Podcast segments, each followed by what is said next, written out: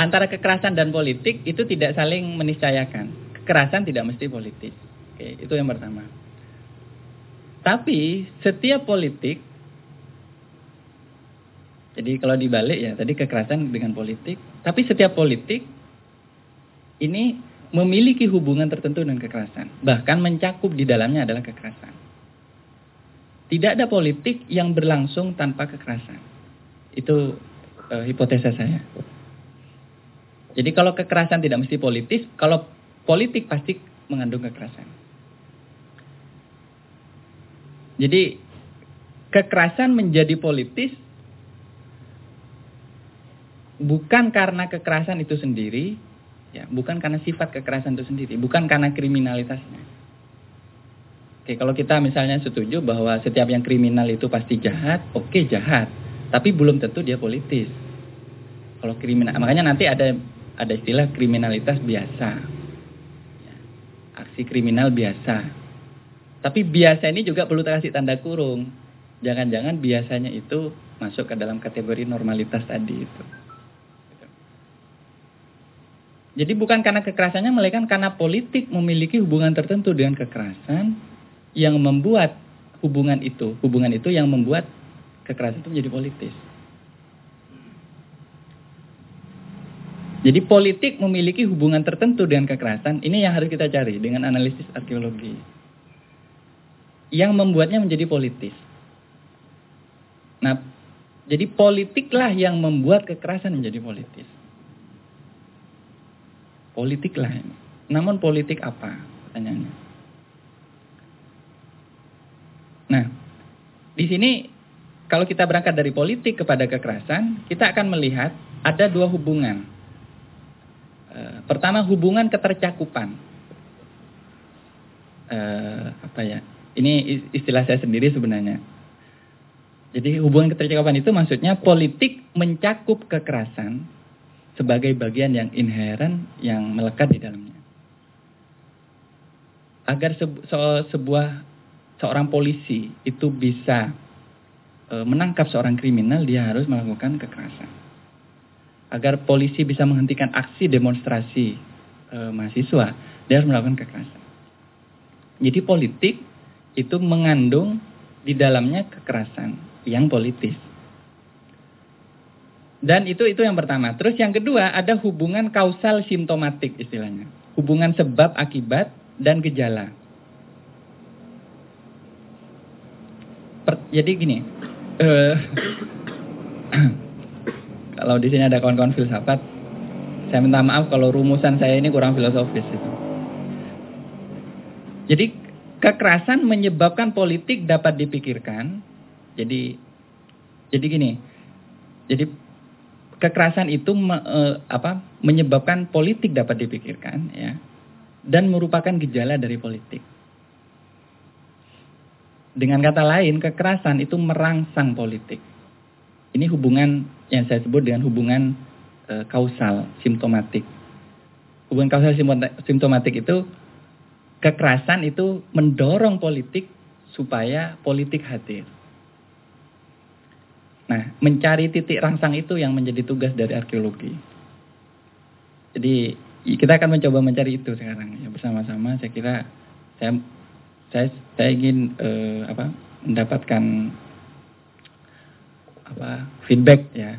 Karena saya kira diskusi ini eh, akan sangat memperkaya kalau kita bisa saling memberikan feedback. Ini contoh yang akan eh, yang saya saya maksud dengan kausal simptomatik ini saya. Jadi hubungan antara kekerasan dan politik ini pertanyaan besarnya.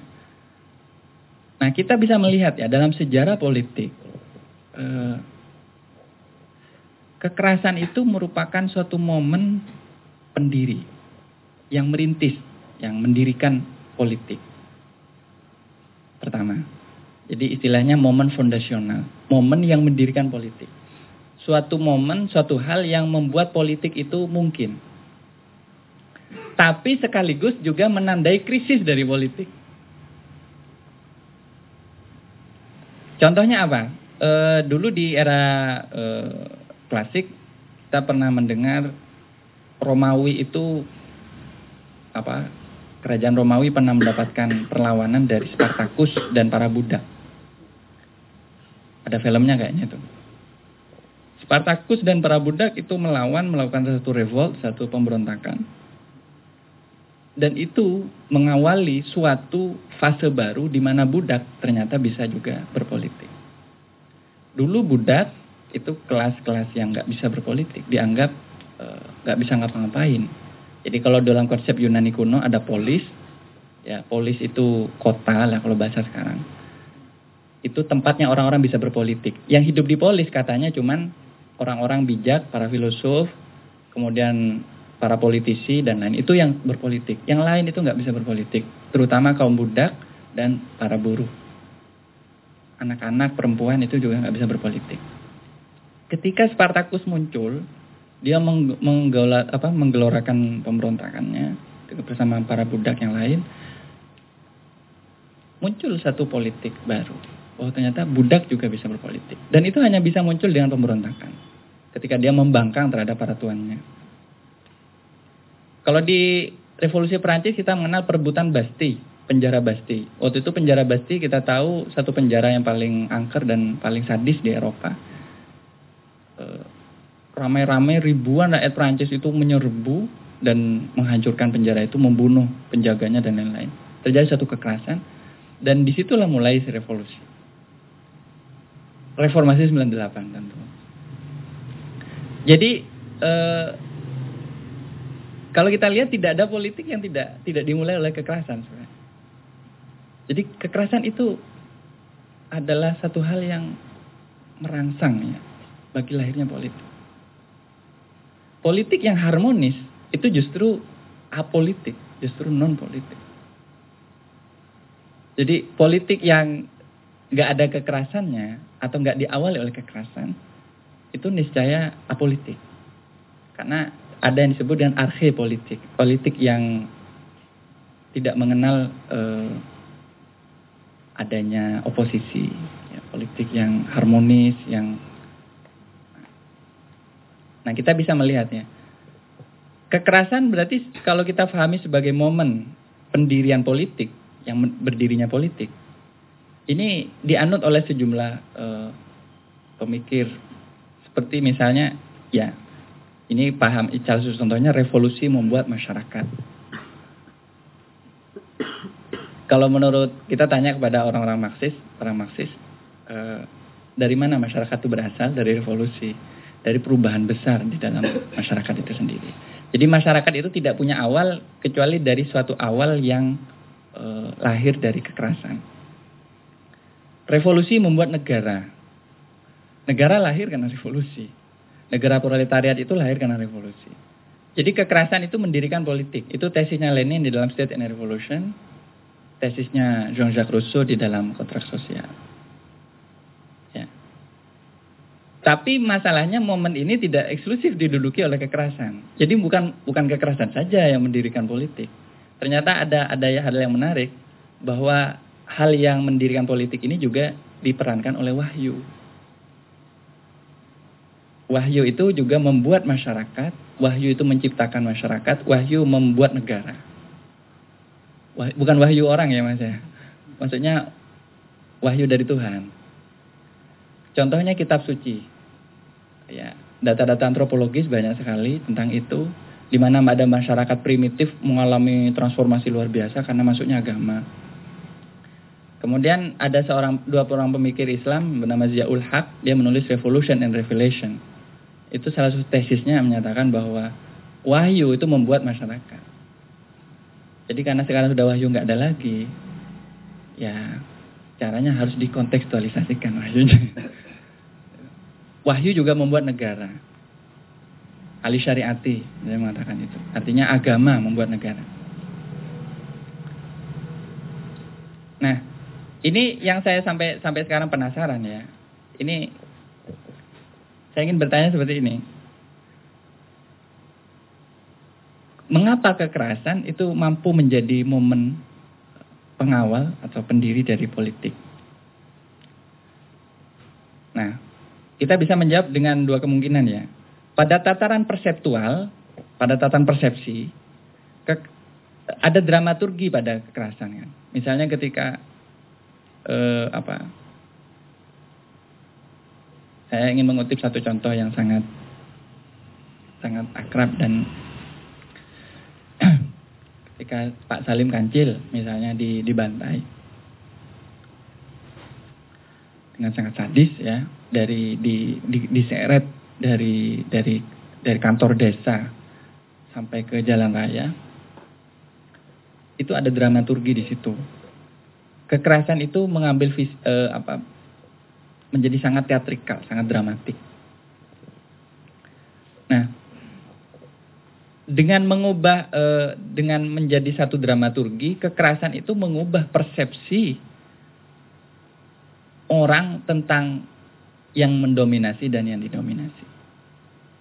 Jadi dengan adanya dramaturgi, dengan adanya suatu aksi yang sangat tragis, ya, orang bisa melihat siapa yang kuat, siapa yang lemah, siapa yang e, berkuasa, siapa yang ditindas. Itu pada tataran persep, persepsi. Nah, pada tataran struktural, jadi ini kenapa kekerasan itu menjadi momen mendirinya politik ya? Itu kan pada tataran persepsi. Dan pada tataran persepsi ini kira-kira orang sudah sudah bisa menangkap uh, adanya kesenjangan antara dua kekuatan yang berbeda. Satunya mendominasi satunya didominasi. Satunya menindas satunya ditindas. Itu pada tataran persepsi.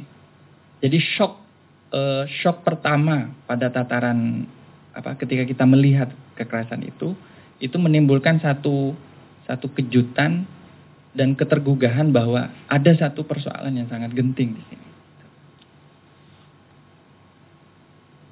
Saya nggak tahu, uh, saya tapi saya yakin bahwa kematian Munir itu sangat dramaturgis sebenarnya. Ya betapapun itu terjadi dalam sebuah perjalanan pesawat.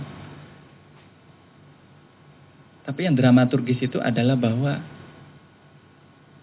di situ jejaknya berusaha dihilangkan. Ya.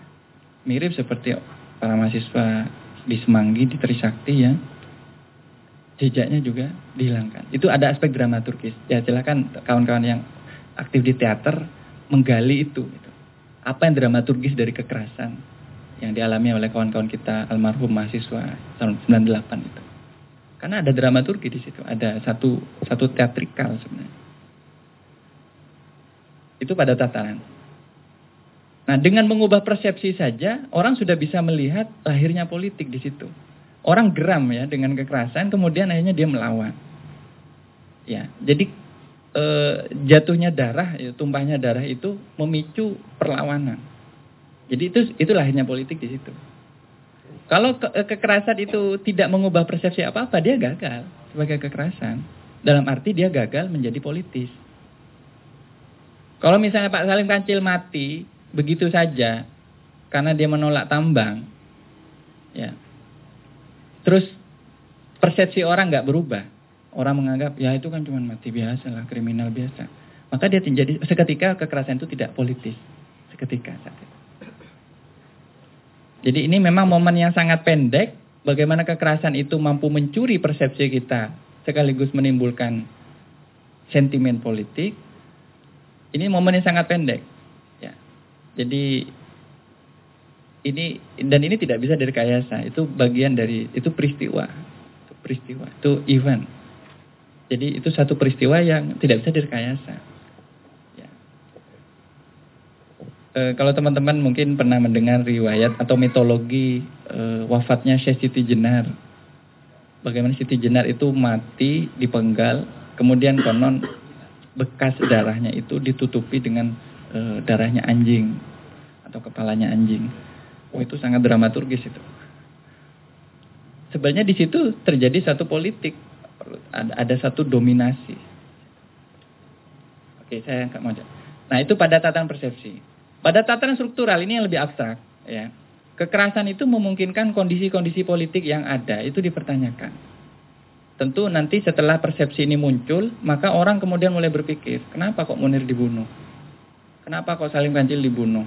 Kenapa kok belasan mahasiswa itu hilang? Orang mulai bertanya. Menjadi eksplisit, ya kondisi-kondisi yang ada ini mulai dipertanyakan. Halo Bung, Di depan, Bung. ini kawan kita yang baru menerbitkan buku ini. Bung Muhtar Habibi. Menjadi eksplisit dan akhirnya dibakukan, ya. Dibakukan itu dalam arti menjadi musuh bersama kondisi-kondisi itu. Misalnya sekarang 10 tahun lebih pasca wafatnya almarhum Cak Munir, kita itu merasakan bahwa problem penegakan hukum di Indonesia ini adalah impunitas. Sebenarnya impunitas itu apa? Itu kondisi struktural. Karena impunitas itu abstrak. Apa sih maksud impunitas? Hanya impunitas ayam dari Berono nggak bisa dihukum. Jenderal-jenderal itu malah sekarang dikasih pangkat dan lain-lain. Itu impunitas. Nah, impunitas itu kondisi struktural yang abstrak. Cuma orang sekarang mengerti bahwa itulah tantangan, itulah musuh kita bersama. Jadi kekerasan dengan kata lain eh, mengaktualkan, mengeksplisitkan kondisi-kondisi politik yang sebelumnya abstrak atau tersembunyi atau terselubung. Orang nggak tahu bahwa ternyata ada penindasan terhadap petani sebelum petaninya terbunuh atau dipenjara atau mengalami kriminalisasi dan lain-lain. Ini kalau pakai uh, kata-katanya George Sorel, George Sorel ini seorang filosof kekerasan uh, bukunya Reflection on Violence itu sangat terkenal dan bahkan nanti bergema kembali dalam pemikirannya Hannah Arendt dengan kritik tentu dari Arendt dan saya kira para pemikir abad 20 dan 21 kalau berefleksi tentang kekerasan pasti merujuk harus merujuk kepada Sorel. Sayangnya dalam literatur kebanyakan teoritisi liberal seperti Francisco Budi Hardiman ya dalam bukunya memahami negativitas itu ya itu Sorel nggak muncul itu. Sorel itu mengatakan begini, di sinilah peran kekerasan dalam sejarah itu sebagai tampak sebagai sesuatu yang sangat penting. Karena dalam dengan cara yang tidak langsung, kekerasan itu dapat e, beroperasi pada kaum borjuis, ya, borjuasi, dengan membangkitkan pada diri mereka perasaan atau rasa tentang kepentingan e, kelas mereka. Jadi Sorel waktu itu bercerita tentang bagaimana eh, kekerasan terhadap buruh represi yang dilakukan oleh oleh eh, kalangan borjuis Prancis saat itu menjelang terbentuknya Republik Ketiga ya awal abad 20. Eh, waktu itu muncul beberapa gerakan rakyat antara lain Front Nasional yang disebut Front Nasional itu. Eh, bukan Front Nasional, Front Populer, Front Rakyat. Itu represinya luar biasa pembunuhan dan lain-lain. Ini meng, ini mengakibatkan ini kata-kata Sorel. Segala jenis kekerasan ini penting karena ini menunjukkan bahwa kaum borjuis itu memiliki kepentingan kelas. Jadi kepentingan kelas borjuis itu nggak akan kelihatan kalau nggak ada kekerasan. Kalau nggak ada, gak ada gak, tanpa kekerasan nyaris tidak mungkin kita melihat yang disebut kepentingan kelas. Makanya kata Sorel, Sorel sekaligus mengapresiasi, sekaligus sekaligus menyesalkan sebenarnya. Ini sebenarnya agak aneh mengapresiasi kekerasan itu gimana? Eh, bukan berarti mensyukuri ya kekerasan bukan. Ya, saya tidak pernah bersyukur bahwa Pak Cak Munir wafat. Tapi dengan Cak Munir gitu, dengan wafatnya Cak Munir itu orang menyadari bahwa ya militer itu busuk memang itu. Militer itu punya kepentingan kelas. Militer dan militer bagian dari kelas yang yang dominan. Itu itu itu cara kekerasan mengungkap. Dan e, Sorel juga melanjutkan gini. Ini saya kira menarik. Poin yang kedua adalah kekerasan itu memungkinkan kondisi-kondisi yang ada ya diidentifikasi, ya ditangkap sebagai satu objek yang permanen untuk kita negasikan. Kita kan nggak bisa untuk menangkap yang disebut dengan status quo. Status quo itu apa? Kalau menurut definisi filsafatnya, uh, term fil, term leksikal literalnya, status quo itu state of things. Ya kondisi yang ada ini, ini status quo ini. Ada SMI, ini status quo sebenarnya. Semua ini status quo. Kalau kalau saya sebutkan Eh, dalam sebuah buku itu yang ada. yang telah ada itu status quo, yang telah ada. Itu yang kita terima secara natural itu status quo. Tapi status quo ini tidak akan bisa diidentifikasi sebagai objek bagi kritik kita kalau nggak ada kekerasan. Sorel misalnya eh, dia mengatakan tindakan tindakan kekerasan itu hanya dapat memiliki nilai historis. Ya. Ini, ini tesisnya sangat penting saya kira. Ya. Ini saya kira sangat penting juga kenapa mahasiswa itu perlu memahami eh, perjuangan kelas. Ya, perjuangan kelas itu harus punya nilai historis kata katanya. Kalau ya kekerasan itu punya nilai historis kalau kekerasan tersebut merupakan ekspresi yang brutal dan jelas perang dari kelas struggle alias pertarungan kelas atau perjuangan kelas. Jadi siapa sebenarnya yang memantik perjuangan kelas ini? Kalau menurut kita tahu bahwa menurut Marxisme itu adalah kelas borjuis. Kelas proletar itu sebenarnya enggak enggak enggak enggak apa? Enggak berusaha memantik kelas struggle. Yang memantik itu adalah kondisi-kondisi yang diciptakan oleh borjuasi dalam bentuk upah murah. Ya, ya mau nggak mau ya harus ngelawan dong, mau kerja misalnya dan lain-lain. Nah, aksi kekerasan ini hanya memiliki nilai historis ya. Artinya dia penting secara uh, historis kalau dia merupakan ekspresi dari kelas struggle. Kalau bukan, maka dia akan hilang begitu saja. Itu artinya kan kekerasan itu memungkinkan suatu kondisi yang ada itu diidentifikasi sebagai kelas struggle.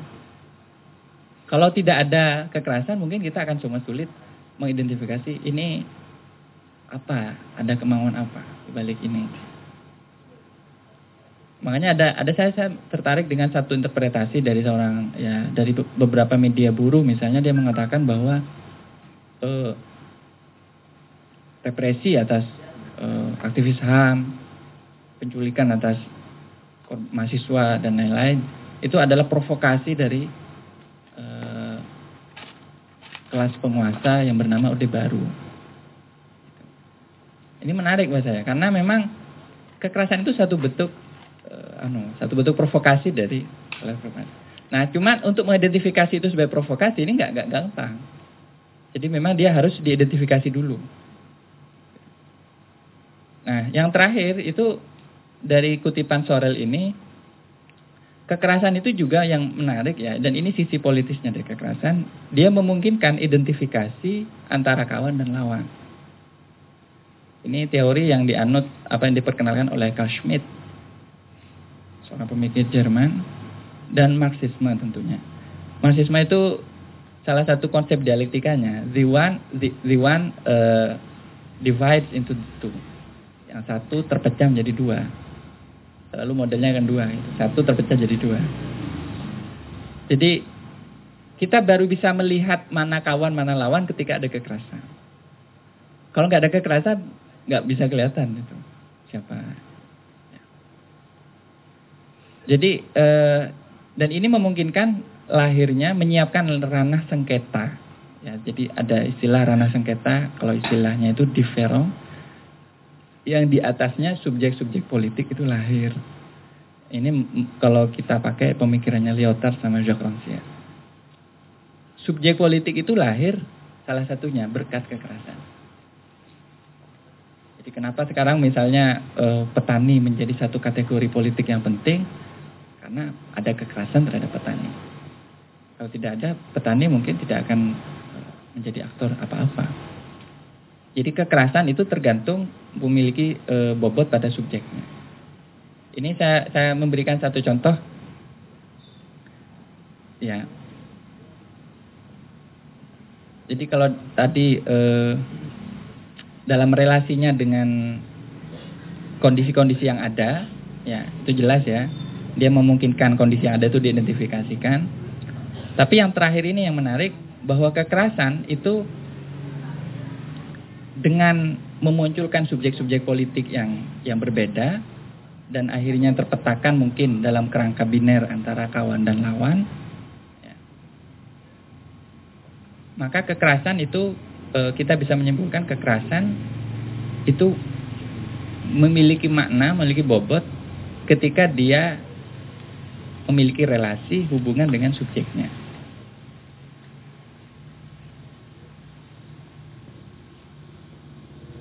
Ini eh, apa semacam tesis berikutnya. Jadi kekerasan memiliki bobot tergantung pada subjeknya. Pada konfigurasi pihak-pihak yang melakukan atau terdampak olehnya.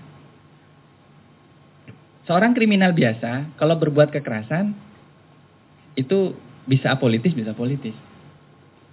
Seorang bajingan misalnya, seorang preman e, mencuri itu merampok misalnya, itu bisa apolitis. Kalau itu sifatnya individual. Tapi bisa politis kalau kita baca misalnya dengan kerangka patriarki. Oh ini yang bajingan cowok yang di di apa? dicederai atau diperkosa misalnya itu cewek. Nah, berarti bisa politis. Seorang kriminal yang diorganisir oleh pejabat dan berbuat kekerasan otomatis politis. Berbe Jadi bukan kriminal biasa. Seorang pembunuh yang dibayar oleh negara. Mungkin bukan negara ya, tapi pejabat negara. Saya belum tahu sampai sekarang, tapi di Filipina sedang terjadi.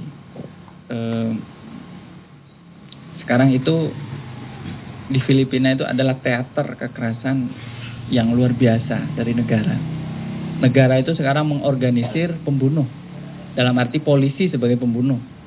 Karena memang di sana kalau di Indonesia pernah dikenal Petrus ya, eh, Petrus itu kan pakai tangan ketiga. Ya. Kalau di Filipina resmi itu dari presiden memang narkoba, gembong narkoba, pemakai narkoba dibunuh di tempat. Targetnya 10 ribu kalau nggak tidak salah. Bayangkan ini mengerikan ini. Saya kira sama mengerikannya dengan politik hukuman matinya Jokowi. Jadi kriminal yang diorganisir oleh pejabat itu politis kekerasannya. Apa pun kekerasannya walaupun dia cuma menaruh sianida ini ada sianidanya nggak mas? Nggak ada ya? Awas kalau ada namanya. Politis ini soalnya kalau di sini ada. Saya nggak nggak nggak ngerti ya logikanya kenapa media masa kemarin tuh siapa siapa yang kasusnya Jessica itu.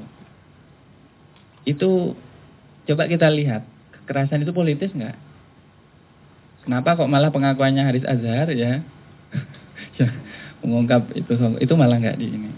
Ya. Jadi media massa itu memang menciptakan persepsi yang keliru saya kira tentang kekerasan. Dan itu yang terjadi memang dengan ideologi-ideologi media yang. Nah, petani yang beramai-ramai melakukan kekerasan, misalnya dalam aksi aksi-aksi uh, aksi proletariat gitu. Ada aksi nyerobot pabrik atau mungkin anu misalnya ya. Ini ini ini sering terjadi dalam sejarah sejarah revolusi revolusi di mana pun banyak terjadi. Itu politis tentu politis. Kenapa? Karena petani itu representasi rakyat. Ya, kita bisa menyebutnya itu. Jadi di sini eh, kekerasan itu sebenarnya tidak memiliki bobot pada dirinya. Kekerasan itu hanya memiliki bobot ketika dia punya relasi. Nggak ada kekerasan pada dirinya itu bermakna sebenarnya. Hanya ketika dia memiliki relasi dia menjadi berbobot entah politis atau tidak politis.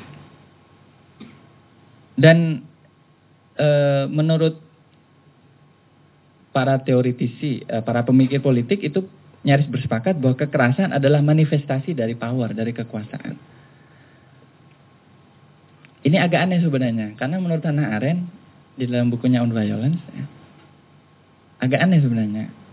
Kaum kiri dan kaum kanan, jadi antara liberal, antara konservatif fasis sama liberal liberal ya, dengan kaum kiri Marxis dengan segala jenis variannya, termasuk anarkisme dan lain-lain, itu nyaris sepakat, walaupun mereka berbeda titik berangkat, bahwa kekerasan itu adalah manifestasi dari kekuasaan. Kok bisa? Uh, menurut Weber, ya Max Weber ini teorinya tentang kekerasan ini dianut menjadi teori resmi dari negara-negara otoriter.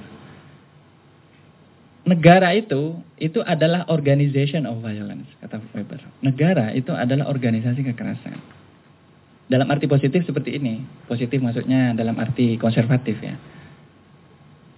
Negara itu syaratnya supaya bisa berdiri, dia harus punya cara untuk mengorganisir kekerasan. Polisi itu kan salah satu bentuk organisasi kekerasan. Polisi, tentara.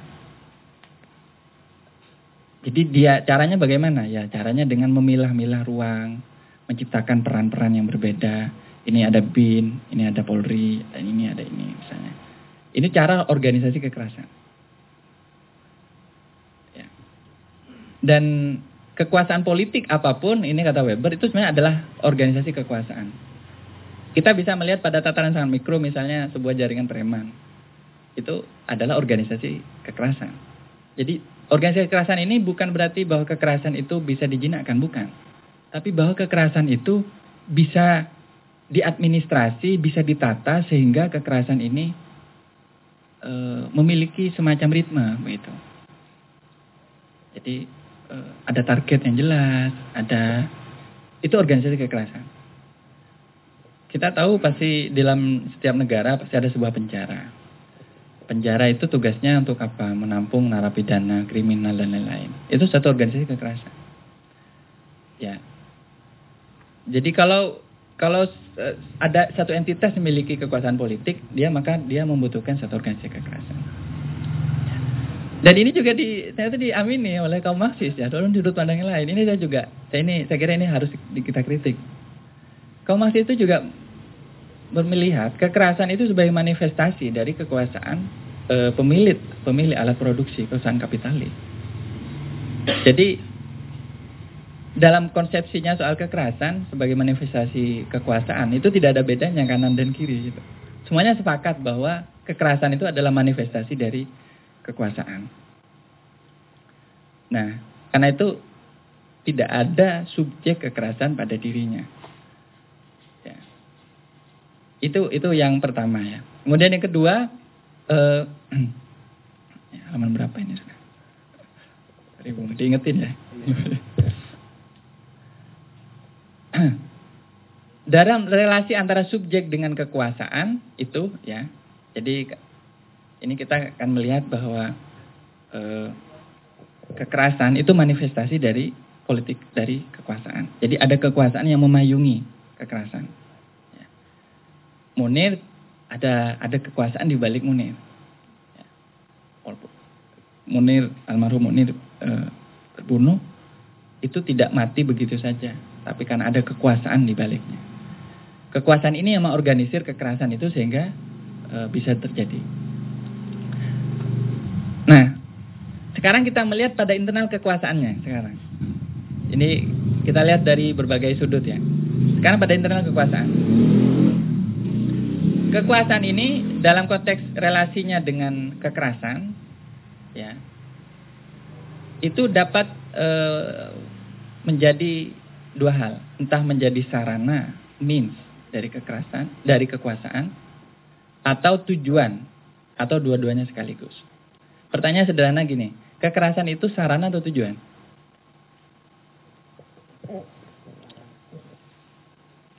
Ya itu, ya itu yang paling, anu, paling mudah di, dipahami. Dan ternyata cocok itu yang paling mainstream ya. Akan mengatakan bahwa kekerasan itu adalah sarana. Ya, habis ini saya coba nih. Tujuan itu ya soal lihat terlihat apa enggak itu tujuan itu bisa diprogram ya, bisa terprogram. Tapi pertanyaannya sekarang kekerasan itu sebenarnya dalam konteks kekuasaan itu sarana atau tujuan? Dan ternyata sama seperti jawaban uh, kawan ya, Bung tadi, hampir semua pemikir politik. Ini perlu kita bongkar juga gitu. Apa benar asumsi ini gitu. Tapi sementara ya kita terima dulu lah. Baik kanan, liberal, humanitarian, pasifis. Bahkan seperti orang seperti siapa? Gandhi ya. Yang pasifis itu, yang non violence, yang anti kekerasan. Gus Dur misalnya. Sampai kalangan kiri itu dalam soal ini sepakat satu hal bahwa kekerasan itu adalah sarana untuk tujuan lain yang lebih besar atau lebih penting. Cuman bedanya mungkin kalau kaum pasifis ya, pasifis itu yang pro perdamaian, anti kekerasan. Kekerasan itu hanya digunakan pada saat yang paling minimal ketika harus membela diri. Tapi setidaknya dia tetap sarana, sarana untuk membela diri. Tentu cara para uh, aliran ini memperlakukan kekerasan sebagai sarana berbeda-beda. Kaum kanan akan memperlakukan kekerasan itu sebagai cara untuk memperbesar kapasitas kekuasaannya. Jadi negara yang diktator uh, semakin menggunakan kekerasan untuk besar. Kaum liberal uh, kaum liberal tidak suka cara kekerasan secara yang yang secara langsung. Tapi sangat melindungi kekerasan tidak langsung. Karena menurut orang-orang liberal, ya kekerasan tidak langsung itu apa? Contohnya misalnya pemenjaraan. Penjara harus ada itu. Kalau nggak ada penjara nanti kriminal berkeliaran. Nah, harus ada penjara. Teorinya Jeremy Bentham ya, Jeremy Bentham ini kan orang salah satu arsitek penjara, filosof sekaligus arsitek penjara. Yang terkenal dengan penjaranya disebut dengan panoptikon. Sampai sekarang itu eh, di Indonesia saya yakin tidak ada penjara panoptikon, tapi kalau penerjemahannya ada sebagian ya tidak konsisten. Misalnya dalam bentuk pengawasan, menara-menara pengawas itu. Itu konsepnya Jeremy Bentham. Jadi filosof itu berbahaya sekali karena memang dia menjadi arsitek kekuasaan menurut Bentham penjara itu harus ada untuk melindungi apa? Civil liberty, kebebasan sipil. Kalau nggak ada penjara, nggak ada kekerasan terhadap kriminal, oh ini kriminal. Nah, ini persis logika liberal ini yang kita pakai, yang dipakai sekarang oleh rezim sekarang ini. Hukuman mati itu harus ada untuk memberi efek jerah. Karena kalau enggak nanti narkoba ini gentayangan ke mana-mana dan lain-lain. Intinya kekerasan itu adalah sarana untuk memberikan satu efek jerat atau kaum kiri itu juga memakai kekerasan ya, memahami kekerasan sebagai sarana. Revolusi kalau nggak ada kekerasan nggak bisa gitu.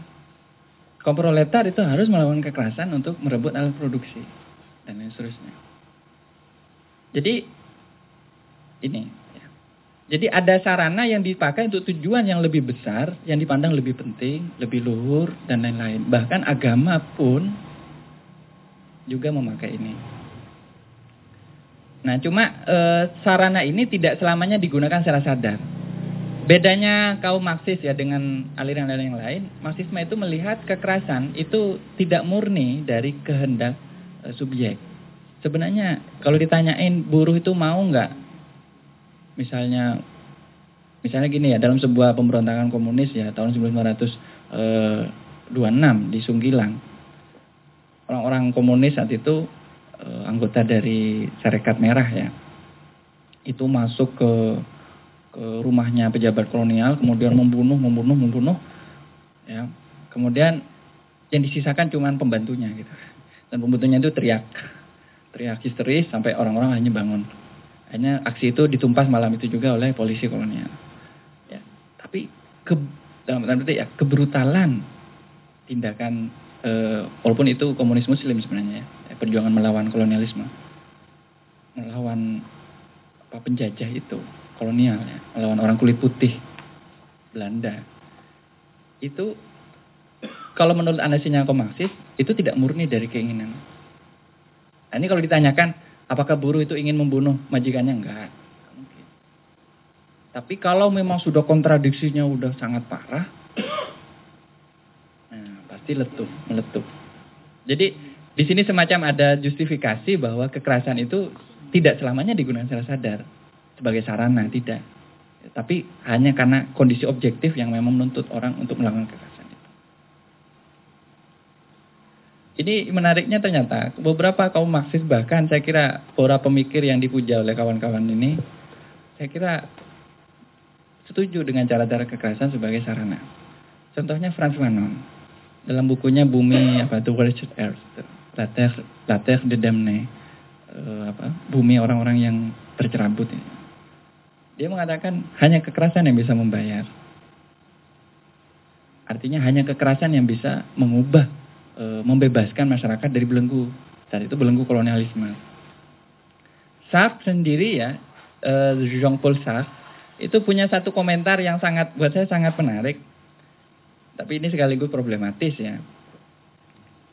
Dia mengatakan bahwa kekerasan yang tidak dapat direpresi, artinya kekerasan yang tidak dapat ditahan, artinya kekerasan yang muncul secara impulsif dan e, diekspresikan secara brutal, itu adalah cara manusia menciptakan ulang dirinya. Bergitik hati saya. Jadi cara manusia merekreasi dirinya itu adalah irrepressible violence. Jadi sar, e, kekerasan itu bahkan menjadi sarana penciptaan manusia-manusia baru. Gitu. Nah, posisi e, liberal dan humanitarian itu bisa dilihat dari pernyataannya Hannah Arendt. Jadi dia juga juga melihat kekerasan itu sebagai instrumental. Bagi Arendt kekerasan itu e, rasional sampai uh, sejauh dia efektif di dalam mencapai tujuan yang mampu menjustifikasinya. Jadi memang ada permakluman sebenarnya terhadap kekerasan. Bahwa kekerasan itu rasional. Ya. Dan rasionalitas kekerasan ini yang lebih mengerikan sebenarnya ketika jatuh pada rezim etatik fasis. Ya, dan ini dilegitimasi oleh seorang teoritis yang bernama Max Weber. Weber mengatakan bahwa ya itu kekuasaan politik adalah organisasi kekerasan. Artinya kekuasaan politik adalah organisasi sarana-sarana untuk melanggengkan kekuasaan itu sendiri. Tujuannya tetap power, sarananya violence. Atau menurut e, istilahnya Louis Althusser, Louis Althusser kekerasan adalah alat represif yuridis negara untuk negara itu sendiri. Lanjut. Eh, jadi kita bisa melihat ini ya ada korelasi antara faham antara instrumentalitas kekerasan dan rasionalitas kekerasan. Nah terserah kita mau memahami rasionalitas ini. Kekerasan itu rasional. Cuma rasionalnya kalau menurut rezim kanan, menurut orang kanan ya kelompok kanan itu rasionalnya untuk menjustifikasi uh, sistem yang dominan. Kalau bagi orang yang melawan, kekerasan itu rasional untuk melawan sistem yang dominan. Dia menjadi dan sama merupakan sama-sama instrumen. Nah, saya ingin melihat paradoks sebenarnya di dalam hubungan antara sarana dan tujuan ini. Karena ini saya kira penting untuk membongkar ya asumsi-asumsi kita tentang kekerasan. Kalau sampean setuju bahwa kekerasan itu adalah sarana, tapi sebenarnya sebenarnya nggak ada ubahnya sama orang fasis. Ya karena tadi itu sudah dilihat kan. Maka kita perlu melihat ya. Apa sebenarnya yang membedakan antara kekerasan orang yang tertindas dengan kekerasan penindas? Ini saya kira pertanyaan yang saya kira sangat penting untuk di, di, diajukan. Saya punya punya hipotesa seperti ini. Ke, semakin kekerasan itu, jadi kan gini, ada saran, ada sarana, ada tujuannya. Jadi ibaratnya seperti dua mata panah gitu. Ya, ada sarana, ada tujuan. Tadi diasumsikan bahwa sarana itu adalah sekadar instrumen alat saja untuk mencapai tujuan yang lain daripada kekerasan. Nah, ini satu kondisi. Semakin kekerasan berubah dari sarana menjadi tujuan, jadi dia bergeser dari sarana menjadi tujuan, ya, maka kekerasan itu menjadi semakin permanen. Kalau istilahnya Aren, dan kondisi permanennya kekerasan, ini disebut dengan perang, war uh, apa? Jadi perang itu adalah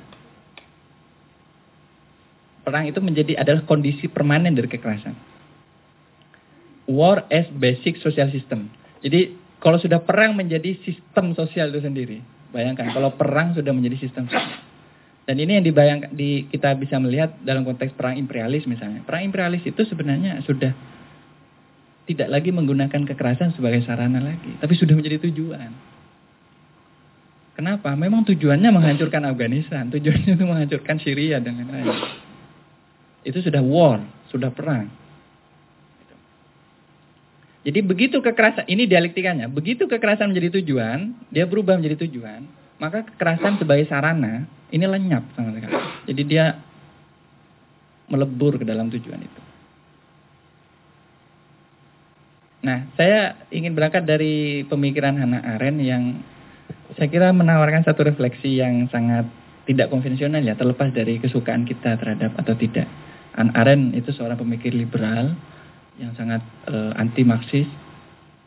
Tapi buat saya analisnya terhadap ke, tentang kekerasan ini saya kira cukup masuk akal itu. Arendt itu memperkenalkan pembedaan antara justifikasi dan legitimasi. Ini kutipannya dia.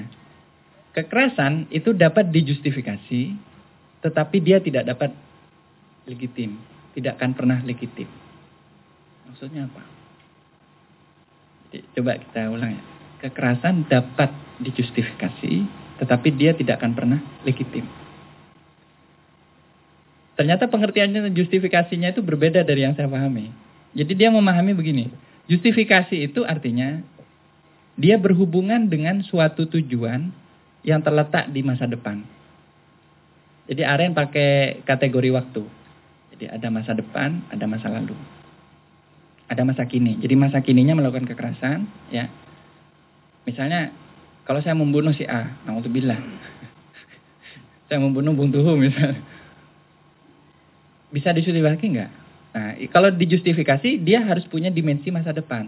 Dia terkait dengan sesuatu yang ada di masa depan. Tujuan yang ingin dicapai di masa depan. Itu namanya justifikasi. Nah, dalam kaitannya dengan itu, kekerasan bisa dijustifikasi untuk suatu tujuan tertentu. Oh, saya tujuannya untuk ini kok, supaya dia itu nggak ini. Ya. Ada kisah, ini saya kira menarik kalau masuk kepada agama ya. Ketika Nabi Khidir ya membunuh seorang put anak kecil, Nabi Musa yang eh, apa bingungan dengan tindakan yang nyeleneh itu, itu bertanya apa maksudnya? Ternyata ada justifikasinya di masa depan. Suatu saat nanti anak ini akan membunuh orang tuanya, akan mengajak orang tuanya itu kafir. Ya kalau kayak gini, asal jangan ditiru tapi ya ini khusus Nabi Khidir ini. Tapi ini menarik ya, artinya justifikasi itu terkait dengan sesuatu yang dibayangkan akan terbentuk di masa depan. Nah, perbedaannya dengan legitimasi. Kalau legitimasi itu didasarkan kata Aren, ini kata ini kalimatnya dari Aren, based on an appeal to the past. E, berdasarkan pada rujukan panggilan masa lalu. Artinya, ya, bentar lagi udah hampir. Pada masa lalu. Jadi kalau legitimasi itu merujuk pada masa lalu. Artinya gini, kalau eh, misalnya gini, si A membunuh si B karena alasan bahwa eh, dia mencegah si B ini melakukan ini, itu justifikasi. Tapi kalau merujuk kepada masa lalu, oh ternyata dulu si B ini, ini dulu sering main istri saya dan lain-lain. Maka saya harus membunuhnya. Itu tidak bisa dilegitimasi. Jadi justifikasinya itu tidak menggugurkan ketidaksahan legitimasi dari kekerasan itu. Misalnya ya, ini satu contoh. Apakah pembantaian terhadap orang komunis, eh, represi terhadap eh, korban 65 misalnya hari ini, ya, hari ini, itu bisa dibenarkan? Saya nggak minta alasan kemanusiaannya. Soalnya kalau alasan kemanusiaan ini paling mudah untuk di, di dimanipulasi oleh ideologi dominan. Sampai itu jangan jangan baper lah. Gitu. Nah, kalau istilahnya anak saya itu baper, saya juga kaget tadi. Tadi saya ke ke Parangkusumo mas, oh, iya. ketemu orang-orang yang itulah, yang melawan-melawan itu, Bukawit dan lain-lain. Itu ternyata juga tahu istilah baper gitu. Katanya teman-teman aktivis ini saya nggak boleh baper Gus katanya. Waduh. Jadi baper itu artinya ya sen sentimental gitu. Ya memang dalam persoalan ketika kita menghadapi persoalan politik itu jangan baper gitu. Nah, kalau argumen humanitarian, humanitarian liberal yang sangat disukai oleh oleh rezim yang dominan saat ini ya, kita menolong orang-orang di Syria itu karena kasihan. Bukan karena dia sebagai korban kekerasan kasihan ya udah kasih uang aja ini ya disukai oleh rezim liberal karena memang cara-cara solusi seperti ini yang yang dieksploitasi oleh jadi sentimen kita itu dieksploitasi oleh media oleh ini. Nah kembali ke masalah ini ya. Jadi saya ingin bertanya apakah aktif eh, korban 65 yang masih hidup sekarang misalnya itu berhak untuk di mendapat kekerasan? Kalau wacannya negara dia akan mengatakan berhak. Karena negara pakai legitimasi masa lalu karena dulu orang komunis itu jahat ini kalau nggak direpresi, ini bisa bunuh kita nanti. Wacananya, Anda bisa lihat wacananya negara, wacananya kelompok fasis, kelompok intoleran, persis sama seperti itu. Orang komunis, aktivis 65, walaupun mereka nggak terkait sama PKI sama apa, itu pasti harus di dihabisi, kalau perlu di di penjara, di diusir dan lain-lain. Itu kenapa? Karena merujuk pada masa lalu. Jadi itu yang dimaksud dengan legitimasi. Ya. Jadi dia tidak punya dimensi masa depan. Nah, tapi beda kalau uh, uh, kekerasan yang dilakukan oleh misalnya gini. Ini ada cerita-cerita, saya dapat cerita tadi malam dari seorang kawan dari Kalimantan Barat, nah, dari Kalimantan, Timur. Nah. Di sana itu uh, ada secara semena-mena pemerintah setempat itu mengeluarkan izin tambang yang ternyata menyasar kepada pemukiman atau lahan milik masyarakat adat Dayak. Masyarakat Dayak gitu. Ternyata eh, sebelum itu dieksekusi, masyarakat Dayak itu udah dengar, akhirnya mereka beramai-ramai pergi ke ke kantor dan disekap itu mas pejabat-pejabat itu. Disekap, ada yang diculik, ada yang di ini berhari-hari. Sampai mobil-mobil dinas itu dibakar semua. Nah, pertanyaannya, eh, kekerasan itu apakah justifikasi atau legitimasi? Itu lebih dekat pada justifikasi. Jadi saya akan akan ngomong Jadi kekerasan dapat dijustifikasi berdasarkan tujuannya di masa depan. Tentu dalam rasionalitasnya sendiri. Nah, kekerasan negara hanya dapat oleh rasionalitas negara yang bermasalah. Ya. Namun kekerasan tidak dapat dilegitimasi berdasarkan datanya di masa lalu. Kekerasan negara tidak dapat dilegitimasi karena kekerasan itu mengorbankan Munir, Wijitukul, Marsina dan lain-lain. Gitu. Nah sekarang kita uh, masuk ke poin, poin, poin terakhir ya. Jadi kita gini, ini fenomen kekerasan ini pelik memang. Karena seolah-olah kalau kita anti kekerasan, kita jatuh lagi pada yang non politik tadi. Dan politik nggak akan lahir Eh, kalau kita menegasikan sama sekali kekerasan. Tapi kalau kita mengafirmasi kekerasan, politik juga hancur. Jadi kekerasan kita biarkan gitu. Orang udah biarkan bunuh-bunuhan, ya nggak ada politik. Jadi bagaimana? Bukan bahasanya bukan mengelola kekerasan, karena mengelola kekerasan itu bahasa negara, bahasa birokrasi itu, organization of violence itu. Caranya bagaimana me, memahami, menyil, apa, me, memilah ya dengan sangat cermat antara kekerasan yang mungkin dan kekerasan yang tidak perlu alias yang perlu ditinggalkan. Kalau bahasanya itu bagaimana mencari celah yang memungkinkan kekerasan emansipatoris kalau istilahnya Zizek. Kekerasan dalam politik pembebasan ya itu dijustifikasi dan dilegitimasi. Karena kalau pakai argumennya Aren, semua kekerasan baik dilakukan atas nama revolusi, atas nama petani, atas nama kebebasan rakyat atau itu nggak bisa dibenarkan, nggak bisa dibenarkan. Artinya nggak bisa dilegitimasi. Karena apa? Di masa lalu banyak sekali orang yang terbunuh atas nama revolusi. Revolusi itu satu mantra yang sangat berbahaya sebenarnya. Tapi saya akan mencari sisi celah-celah itu gitu. Perspektifnya saya gini. Jadi ini hipotesa saya. Semakin kekerasan itu merujuk kepada masa depan, maka kekerasan itu semakin dapat dijustifikasi. Jadi kalau merujuk pada masa depan. Contohnya misalnya kekerasan yang punya dimensi utopis. Jadi utopia sosialis misalnya. Jadi punya dimensi eh, apa? masa depan. Saya ingin menciptakan masa depan yang adil, yang tidak ada lagi penindasan. Itu kan utopia. Itu bisa dijustifikasi. Dan problemnya kan negara itu tidak memiliki utopia. Yang punya utopia itu cuma kelas tertindas atau orang-orang yang tertindas. Negara itu tidak punya utopia. Negara itu hanya memiliki masa lalu. Karena kalau kita lihat masa lalu itu yang selalu membayangi negara. Negara itu nggak punya masa depan.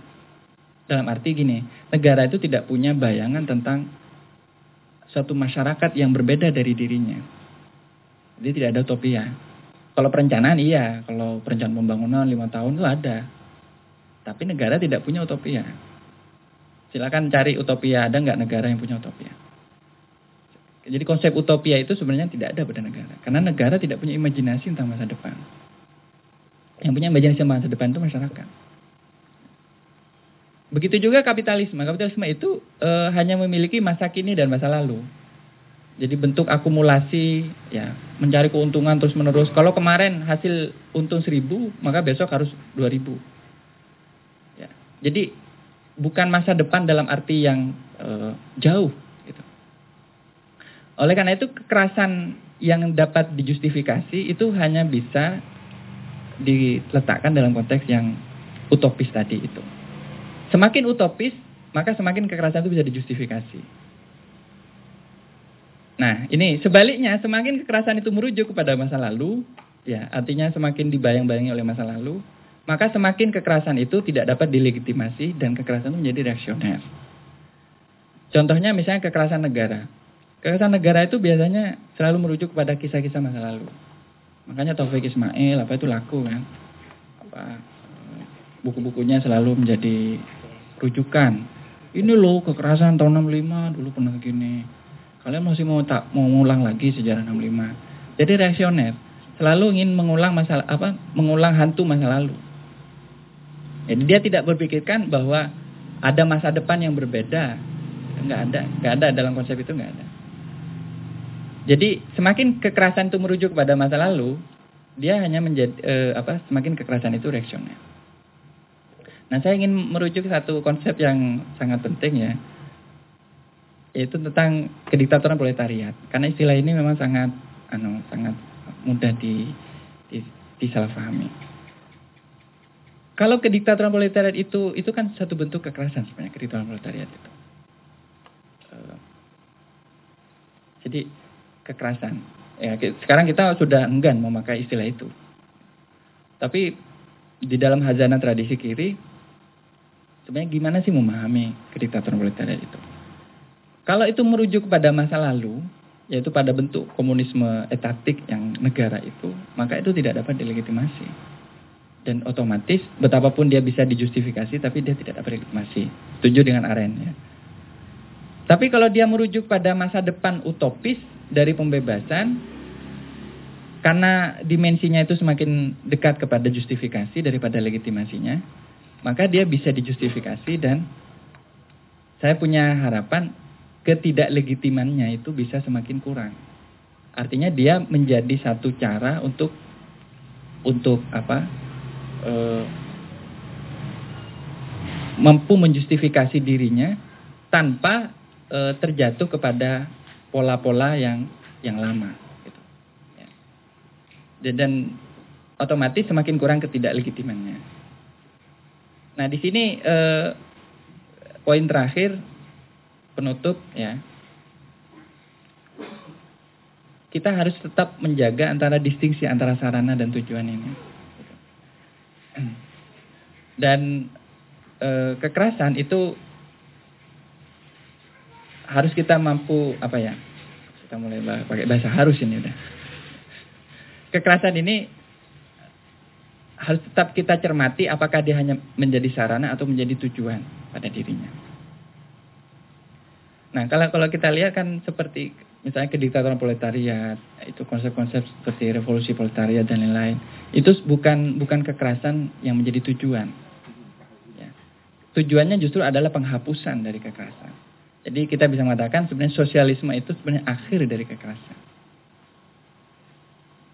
Jadi kalau kapitalisme itu mengklaim sebagai sistem yang uh, menjadi solusi bagi segala jenis kekerasan itu salah. Yang ada adalah melokalisir kekerasan. Mengenai teori liberal seperti tadi, penjara tetap ada, orang kriminal harus tetap ada, orang tetap harus ada yang dihukum mati dan lain-lain.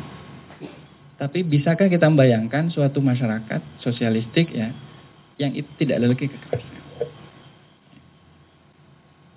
Nah, di sini eh, dalam konteks emansipatoris ya pembebasan bisa nggak dijustifikasi kekerasan itu? Bisa dijustifikasi dan harapannya bisa dilegitimasi juga. Sehingga paradoks antara justifikasi dan legitimasi itu gugur. Itu begini, kekerasan dalam praktek emansipatoris harus menjadi sesuatu yang berhingga. Ini dialektikanya. Dia harus menjadi sesuatu yang berhingga, artinya bisa selesai. Dia tidak bisa permanen. Makanya dalam konsepnya Marx, kediktatoran proletariat itu sebentar. Nggak lama kayak Stalin itu. Kalau Stalin itu mempermanenkan kediktatoran proletariat. Dan itu kekerasan negara, jelas.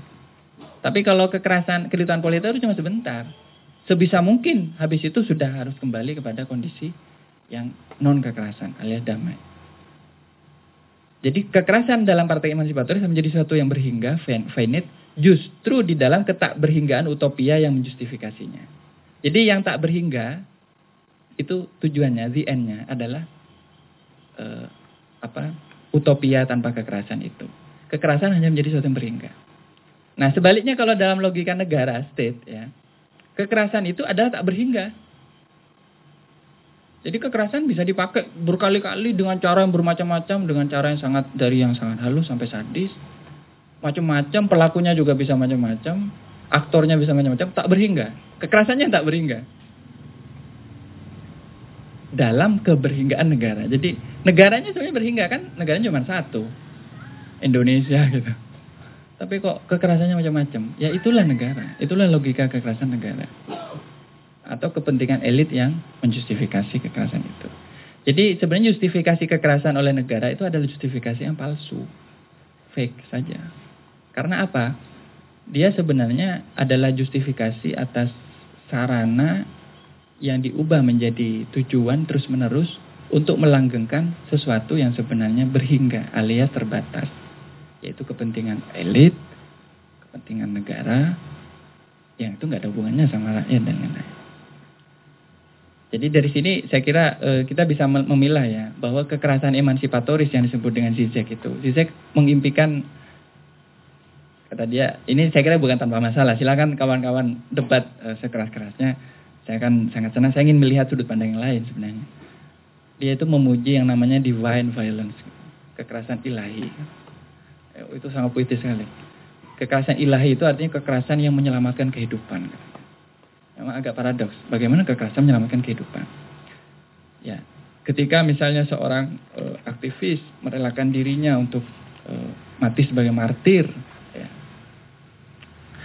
untuk menyelamatkan ribuan orang di belakangnya, itu yang disebut dengan divine violence. Ya, kekerasan ilahiyah itu. Mirip seperti para nabi yang membiarkan dirinya uh, apa mati, dibunuh atau mungkin diracun, di, dihukum demi menyelamatkan umatnya. Ini ada kata-kata Zizek yang menarik di buku Violence itu. Bukunya sangat kecil tapi saya kira sangat keren ya. Dia mengatakan uh, viol, uh, uh, apa, a violence uh, that saves uh, the life, ya. jadi menyelamatkan kehidupan. Sebaliknya kalau kekerasan uh, ya negara, kekerasan fasis, kekerasan macam-macam itu yang bukan kekerasan ilahiyah, ya, kekerasan satani yang mungkin ya, yang berasal dari kekuatan setan, itu adalah kekerasan yang justru mengorbankan sebanyak mungkin kehidupan. Jadi di sini kita bisa melihat eh, apa yang disebut dengan kekerasan emansipatoris. Dan eh, itu saya kira beberapa hal yang bisa kita perdalam lagi. Eh, terima kasih atas eh, perhatiannya. Assalamualaikum warahmatullahi wabarakatuh. Uh, sekali lagi saya ucapkan sama Gus Fayat yang sudah memberikan tetesan ilmunya selama satu jam 50 menit yang luar biasa itu.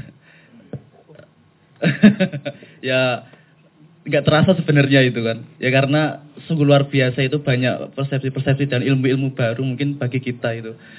Uh, sampai jam 10 masih ada sekitar 45 menit bagi kawan-kawan yang ingin berdiskusi, bertanya atau apa pun uh, saya persilahkan.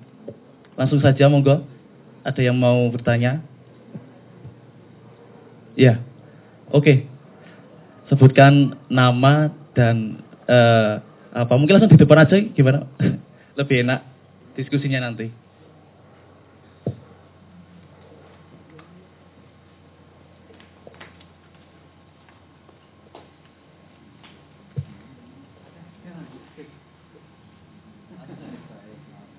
Uh, Assalamualaikum warahmatullahi wabarakatuh. Uh, ada yang menarik saat Mas Fadl tadi menjelaskan tentang uh, justifikasi dari Aren. Uh, yang ingin saya tanyakan, uh, apakah konsep justifikasi dari Aren punya persamaan dengan empasisme dari Heidegger? Empasisme empasisme Heidegger. Uh, jadi uh, empasisme Heidegger uh, seperti sebenarnya uh, Mas Fadil juga pernah udah pernah nyinggung itu. Jadi uh, kalau diambil contoh apa yang dilakukan misalnya uh, para pejuang 45 kemudian mendadak pada suatu waktu akan terjadi di masa depan itu. Ya apakah konsep justifikasi Aren seperti empasisme dari Heidegger itu terima kasih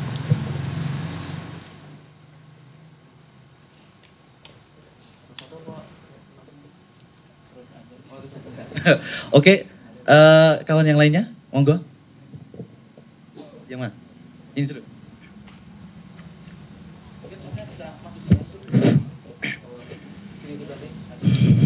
Bismillahirrahmanirrahim. Assalamualaikum warahmatullahi wabarakatuh.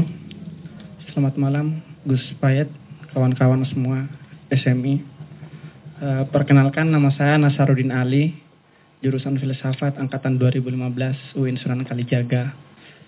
E, saya e, membangun sebuah konstruksi pemikiran saat mendengar e, apa siraman ya, siraman pemikiran epistemik dari Mas Payet uh, tentang sebuah uh, makam-makam uh, kekerasan itu sebenarnya bagaimana dalam konteks fenomenologis sosio sosiologis ekonomi politik yang ada di negara kita Indonesia ini. Bagaimana sebenarnya itu makam-makam kekerasan integrasinya antara satu kaitan dengan kaitan yang lain yang ada di Indonesia ini sehingga Indonesia seperti ini sekarang. Jadi kekerasan apa yang terjadi dalam negara itu sebagai sebuah integrasi, interkoneksi maupun dekonstruksi kekerasan yang ada. Kemudian uh, menyoal tentang uh, uh, juga ini, kalau Mas Pram, Pramodia Anantatur tidak percaya dengan uh, negara ini. Kenapa? Karena negara ini dimotori oleh orang-orang uh, bawaan-bawaan atau uh, apa ya anak buah dari Bento ya. Sehingga dia bilang bagaimana saya bisa percaya sama negara ini proses demokrasi ini? Artinya kalau saya mengikut memilih berarti saya uh, turut menentukan siapa kepala penjara saya Nah, kalau makam seperti Mas Payet ini seperti apa pandangannya terhadap negara dalam konteks kekerasan? Apakah uh, positif terhadap negara kita ini atau tidak gitu? Karena Pram, kalau kelasnya Pram terutama eh, otomatis tidak. Nah kalau kelasnya Mas Pait itu seperti apa ya? Ah, kemudian yang eh, saya juga membangun sebuah konstruksi pemikiran tentang apa ya agama ya menyoal kekerasan eh, di mana ini terutama ada kaitannya dengan eh, lingkar horizon ya dengan Mas Pait selaku aktivis NU juga ke kalangan kiri juga. Ada suatu as, uh, statement dari NU Ortodoks yang mungkin bagi saya tahu statu quo yang uh, dalam merespon gerakan keagamaan baru di Indonesia terutama Syiah dengan Ahmadiyah. Bahwa bumi ini adalah bumi Ahlus Sunnah wal Jamaah terutama bumi NU gitu. Nah kira-kira ini kekerasan nggak ini? Dalam konteks apa sebenarnya? Artinya saya ingin mau mengajak ini Mas Pahit ini mengkritik NU sendiri atau mau melegitimasi atau bahkan menjustifikasi sekalipun ya kan? Nah ini bisa dilegitimasi ataukah bisa di uh, justifikasi ya kan Syiah terutama. Kemudian yang terakhir ini karena ada Mas Eko di sini, saya ketemu dengan Mas Eko waktu saya di Makassar. Terus terang Mas Eko menjadi suatu inspirasi bagi saya sehingga saya pindah dari jurusan filsafat Makassar dan ke sini. Dan baru satu kali ini saya ketemu ya kan. Aam 2013 waktu pelantikan BEM di Makassar uh, adiknya ini uh, dari Makassar Usuluddin Iya, pernah Mas Eko ke sana.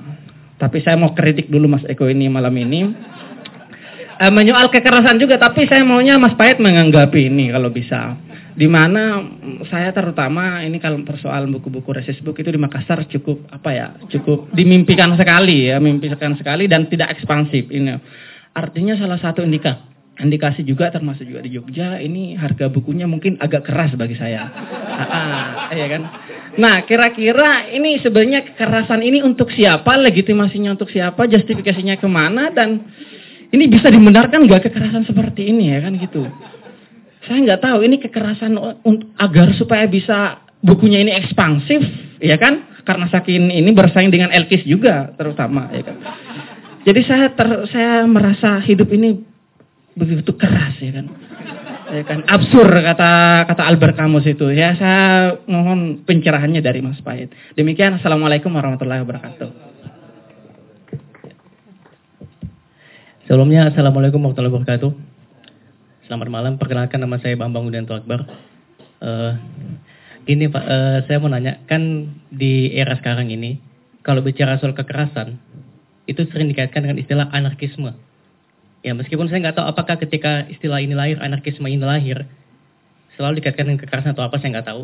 Nah, yang saya tanyakan kan tadi uh, Mas Faidil ini kan sudah menjelaskan tentang pendapat beberapa ahli. Tadi ada Zizek, kemudian ada Hannah Arendt. Nah, saya ingin tahu bagaimana pendapat mbahnya anarkisme itu, yaitu Michael Bakunin dan Prodon tentang kekerasan dalam negara ini. Karena tadi belum sempat dijelaskan. Saya ingin tahu aja apakah mereka punya pendapat tentang hal ini atau enggak terutama untuk mbahnya anarkisme itu ya, yaitu Michael Bakunin tentang ini. Terima kasih. Assalamualaikum warahmatullahi wabarakatuh.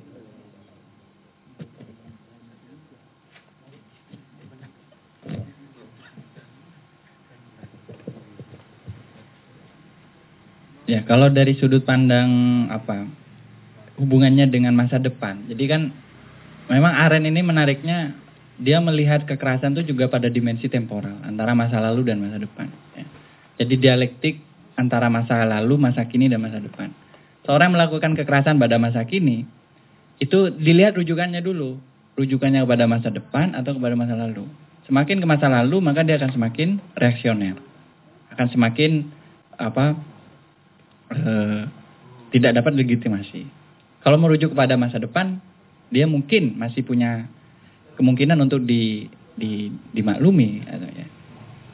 Nah, itu kalau dibandingkan dengan konsep antisipasinya atau Entwurf-nya, di Entwurf-nya Heidegger, Heidegger itu begini, Heidegger itu punya konsep yang namanya uh, antisipasi. Jadi semacam tesisnya sebenarnya begini, bahwa manusia itu bertindak itu karena memiliki kecemasan-kecemasan. Ya, angst, ya, memiliki kecemasan kecemasan-kecemasan yang terkait dengan masa depannya, terkait dengan apakah dia mampu untuk uh, terus memaknai hidupnya dan lain seterusnya. Situasi yang digambarkan oleh Heidegger sangat dramatis ya, ketika orang misalnya jatuh tersungkur misalnya karena hutang misalnya. Atau orang yang tiba-tiba menemukan hidupnya itu tidak bermakna karena istrinya misalnya pergi ya, atau pacarnya diputus pacar dan seterusnya. Kondisi zero kondisi yang disebut dengan keterdamparan ketika eh, sang dazain sang sang subjek itu so, eh, seorang manusia lah ya bahasanya itu dihadapkan pada ketiadaan harapan akan masa depan. Maka dia muncul antisipasi. Perbedaannya saya kira dengan Heidegger, eh, kesamaannya pada dimensi masa depannya itu. Ada dimensi masa depan. Kekerasan itu juga punya dimensi masa depan. Cuma sekali lagi yang punya dimensi masa depan itu kekerasan yang sifatnya utopis tadi. Sedangkan negara tidak mampu untuk e, punya sikap utopis. Negara itu adalah suatu lagu yang terus-menerus diulang. Lagu lama yang terus-menerus di, didungungkan ya. Jadi makanya negara yang memberi harapan itu saya kira bukan negara lagi. Ya, negara yang memberi harapan itu sebenarnya adalah uh, itu bisa bisa bisa bentuk ideologis dari dari negara gitu. Jadi bukan negara itu sendiri tapi kamuflase ya, apa bentuk ideologi dan negara. Nah, persamaannya pada dimensi masa depannya. Cuman perbedaannya kalau Heidegger itu membangun pemikirannya itu di atas kecemasan. Ya. Orang bisa saja sebenarnya melakukan kekerasan atas dasar kecemasan. Karena misal saya eh, pernah dengar dari seorang kawan dia ada di Surabaya ya kalau tidak salah apa di Malang itu pernah ada peristiwa pembunuhan yang sangat sadis. Jadi anak istrinya semuanya itu dibunuh oleh suaminya ini. Tapi sekali lagi ini belum masuk ke ranah politis ya, ini hanya membahas konteks Heidegger. Setelah ditanyakan alasannya kenapa? Karena dia takut nggak bisa nyaur utang kalau istri dan anaknya masih hidup. Memang agak agak uh, ini gila ya, Edan ya.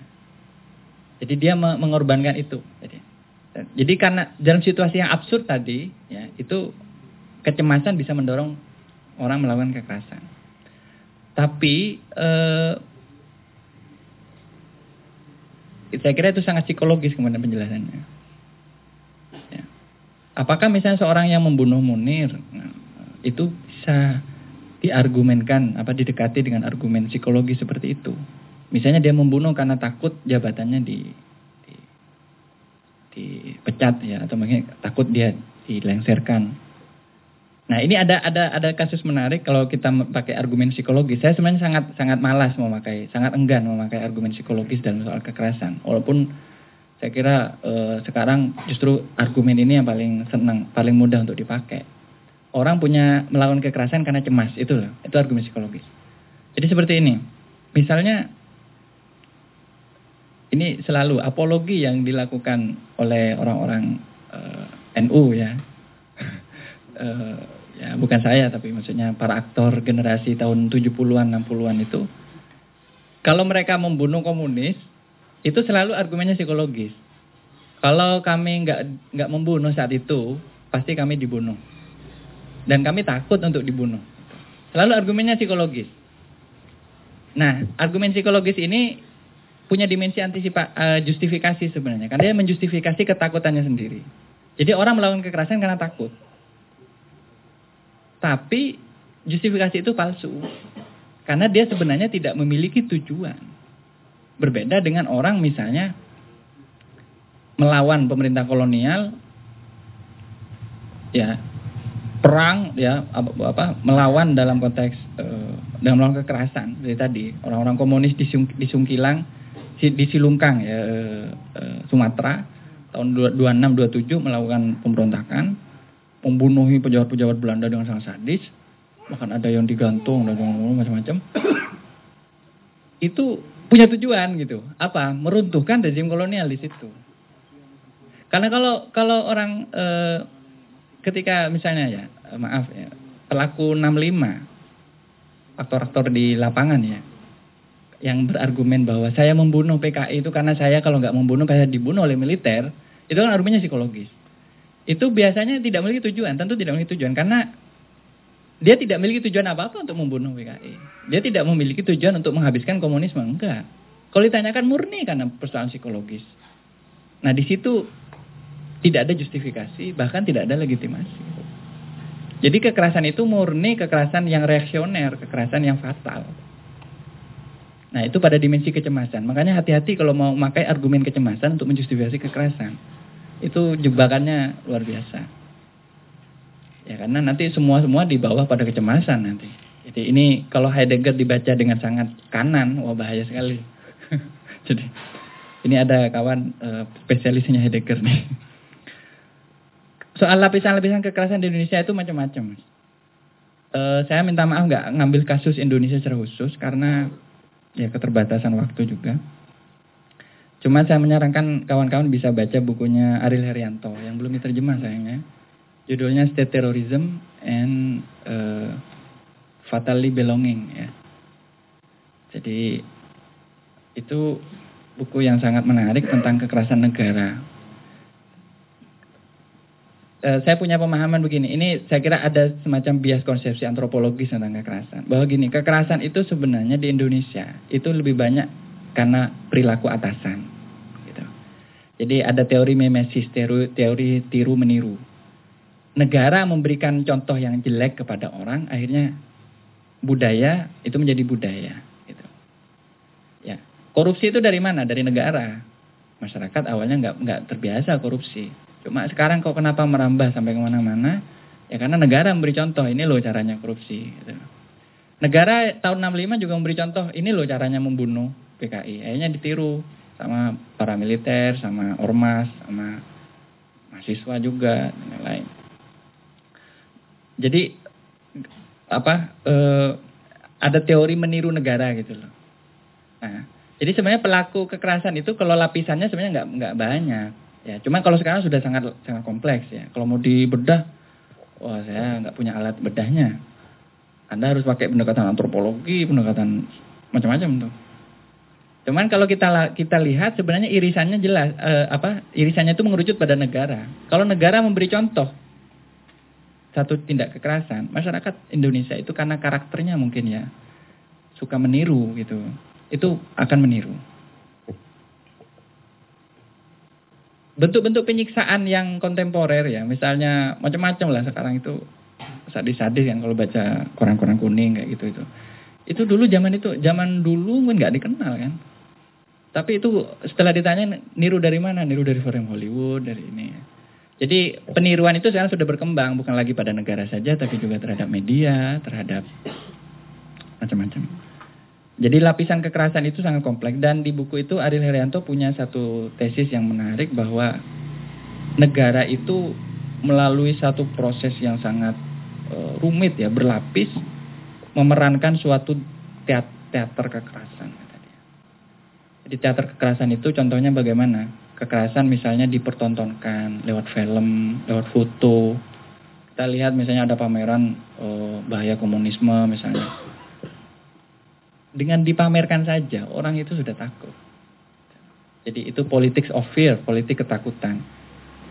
Jadi lapisan kekerasan di Indonesia sudah banyak.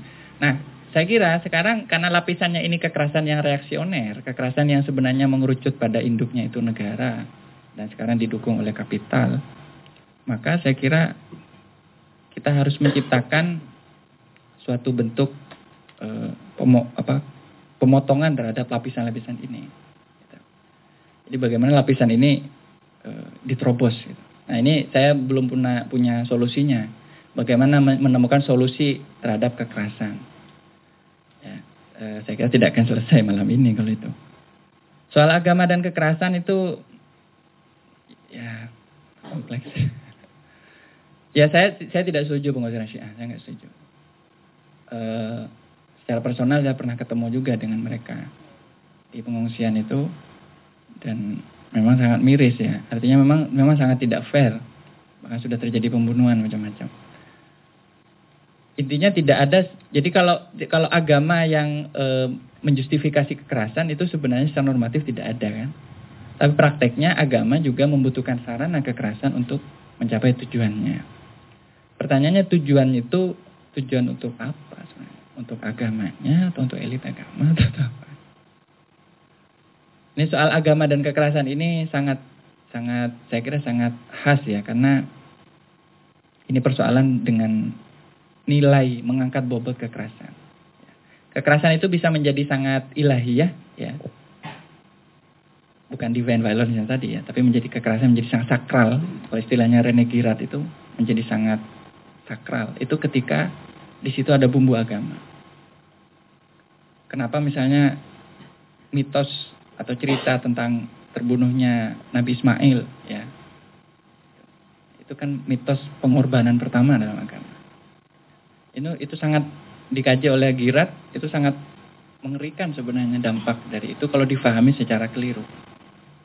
Bahwa harus ada orang yang dikorbankan atas nama umat harus ada yang menjadi persembahan Tuhan gitu. Itu kan sangat mengerikan kan, visi kayak gitu.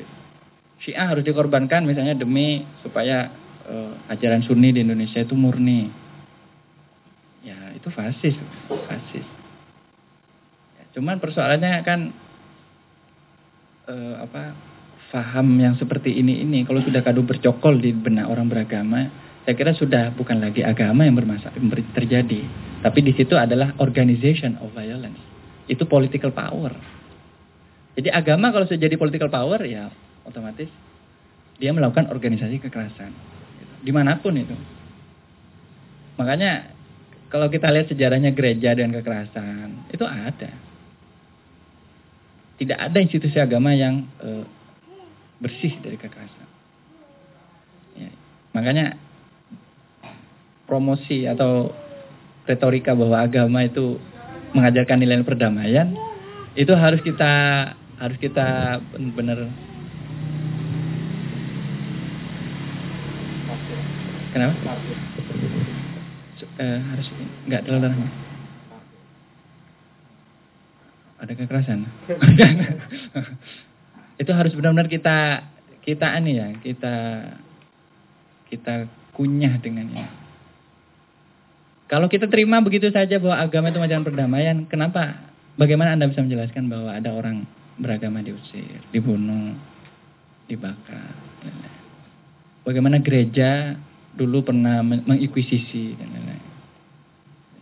Tapi sekali lagi itu bukan agamanya. Karena kalau kita lihat strukturnya sama dengan negara. Itu adalah organization of violence. Jadi jangan kemudian ada anti agama hanya karena melihat agama melakukan orang sebagian umat beragama melakukan kekerasan. Itu salah itu. Penilaian itu salah. Bukan agamanya yang salah. Tapi ketika agama menjadi political power, maka dia akan memiliki cara-cara tertentu mengorganisasi kekerasan.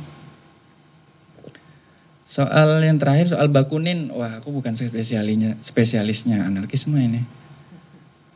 Kapan ngundang anak anarki, anarki.org. Ya sebenarnya Bakunin sederhananya eh, apa ya bukan sederhananya anarkisme itu melegitimasi kekerasan, eh, menjustifikasi kekerasan untuk pembebasan sebenarnya. Ya, dia tidak tidak kemudian menjadikan kekerasan sebagai satu-satunya ini. Jadi anarki itu harus difahami dalam konteks sebagai anarke gitu. Jadi anarki itu artinya memutus situasi apolitik di tengah masyarakat itu dengan satu tindakan tertentu. Uh, saya belum punya jawaban yang saya kira sangat memuaskan ya, memuaskan mungkin memuaskan Anda tentang anarkisme ini. Tapi kalau Anda lihat tadi dari sejumlah paparan saya itu tadi sebenarnya anarkisme itu uh, apa? Tergantung ya, apakah dia akan melihat kekerasan sebagai sarana atau tujuan. Kalau sebagai sarana, maka sebenarnya tidak ada bedanya juga dengan uh, aliran Marxis yang lain. Ya, tidak ada bedanya. Kalau sebagai tujuan, maka kita juga perlu melihat bagaimana kekerasan itu diorganisir. Gitu. Nah, saya melihat justru anarkisme ini satu gerakan yang paling menolak organisasi kekerasan. Karena bagi dia kekerasan itu adalah satu letupan eh, spontan, ya, letupan yang muncul dari kebencian terhadap tatanan eh, kapitalis. Jadi bukan suatu hal yang harus diorganisir, kemudian orang muncul rame-rame. Justru yang mengorganisir diri itu justru kaum Marxis, yang rata-rata menolak dirinya mengidentifikasi sebagai anarkis. Gitu. Jadi anarkisme itu memang agak khas ya dalam wacana kekerasan.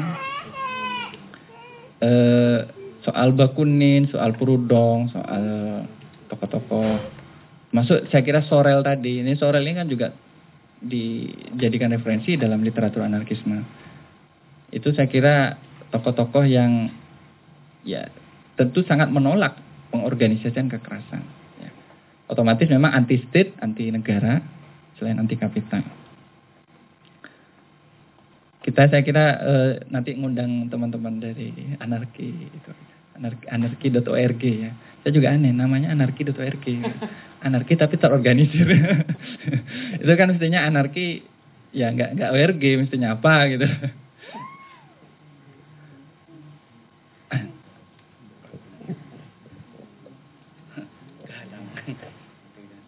Uh, mungkin ada masih ada 10 menit lagi. Untuk ada teman-teman yang mau uh, diskusi lagi. Saya persilakan satu dua.